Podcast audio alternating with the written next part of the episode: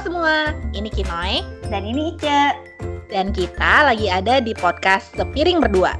Sepiring Berdua adalah podcast yang membahas tentang isu-isu perkotaan secara serius tapi tetap santai. Selamat mendengarkan.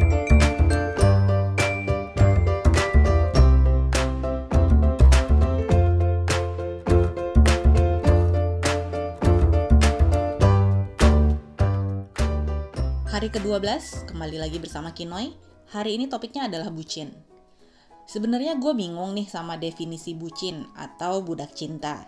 Kata ini baru banget ya masuk dalam hazanah bahasa Indonesia. Ada nih satu artikel hasil nanya Om Google yang bilang kalau ada tiga tanda-tanda bucin. Melulu soal dia, jadi tidak masuk akal dan menjauh dari teman-teman.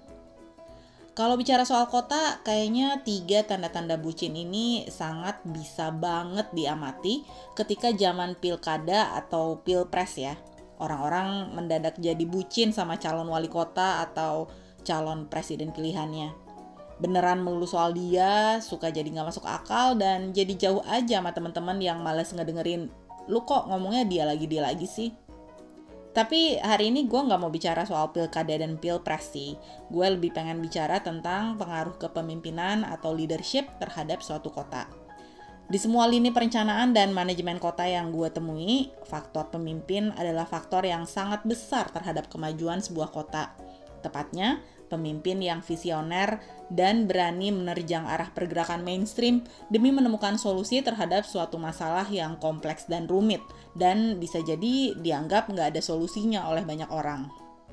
Ini pas banget nih pembahasannya dengan salah satu kegiatan gue sekarang terkait pengungsi perkotaan, yaitu kegiatan Kepo Jurnal atau diskusi bulanan tentang suatu artikel ilmiah terpilih.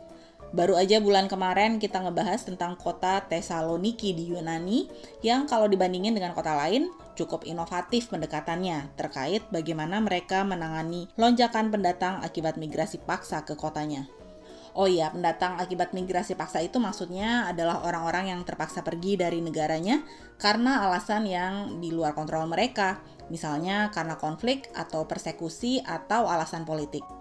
Nah, ada beberapa faktor lah ya yang bikin si Thessaloniki ini bisa menemukan dan menerapkan solusi yang inovatif. Salah satunya adalah faktor wali kota yang saat itu membawa angin segar buat warganya. Macam Kang Emil gitu kali ya buat Bandung yang setelah bertahun-tahun wali kotanya gitu-gitu aja, eh terus dikasih pilihan yang relatif muda, bukan warisan masa lalu dan cukup visioner dengan rencananya waktu itu kalau wali kota Thessaloniki ini ya nggak muda-muda amat sih, cuman dia itu datang dari sektor yang sama sekali beda dengan pemimpin-pemimpin kota sebelumnya. Pemimpin macam ini biasanya menghasilkan dua jenis kelompok. Kelompok calon bucin yang pokoknya pilkada berikutnya gue milih dia lagi deh. Dan kelompok calon anti bucin. Duh, siapa aja deh selain dia. Tentunya pilihan ada di tangan masing-masing warga kota ya, dan setiap calon pemimpin punya plus minusnya masing-masing. Kalau gue sih menanti-nanti banget masa di mana banyak calon pemimpin kota di Indonesia yang saking bagusnya sampai punya masa bucin sendiri. Oh iya, ternyata sekarang ini lagi masa pemilihan kepala daerah ya di beberapa kota. Ya, moga-moga pemimpin yang terpilih adalah mereka yang bisa membawa angin segar buat kotanya.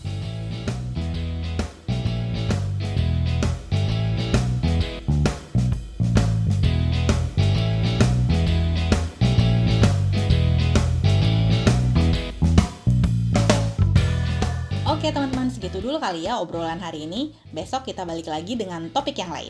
Mau berkomentar? Silahkan tinggalin pesan di Instagram at podcast.spiringberdua atau di email podcast.spiringberdua at gmail.com. Sampai jumpa!